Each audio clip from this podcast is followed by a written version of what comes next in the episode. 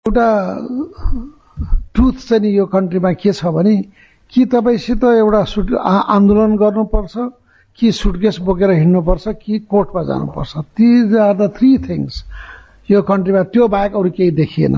किनभने यस्तै बसेर यो हाम्रो भूमा भूमाफियाहरू सबै बसेर यही कुरा भएको थियो।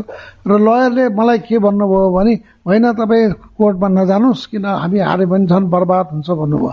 मैले भने अब हार्ने जित्ने भने त्यस्तै हो तर कोर्टमा जान्छु कोर्टमा गएर मुद्दा लड्छु जिते ठिक नजिते ठिक भनेर लडेको हो। र वर लकी भनौँ न एक किसिमको म त के भनिरहेको छु भने मेरो पसिनाको सम्पत्ति भएको हुनाले मैले मुद्दा हारिन भन्छु। र सबै आफ्नो आफ्नो सम्पत्ति हो।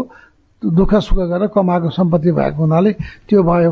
तर हाम्रो यो अहिलेको परिप्रेक्ष्यमा स्पेसली दरबार मार्गको पार्किङमा पार्किङले जुन उहाँहरूले हटाइदिनु भयो त्यो चाहिँ एउटा चाहिँ अन्यायपूर्ण नै हो। किनभने यो बिसौँ वर्ष चलिआएको र भइरहेको कुरा जसले गर्दा यहाँको सबैको व्यवसायमा मार परिरहेको छ। अब मैले देखेको कुरा त अब उहाँहरू भेट्दा पनि नभेट्ने हामीसित कुनै किसिमको डिस्कस पनि गर्न नचाहने भने त एउटै चिज देख्छु म त कोर्टमा जाने बाहेक त केही पनि देख्दिनँ।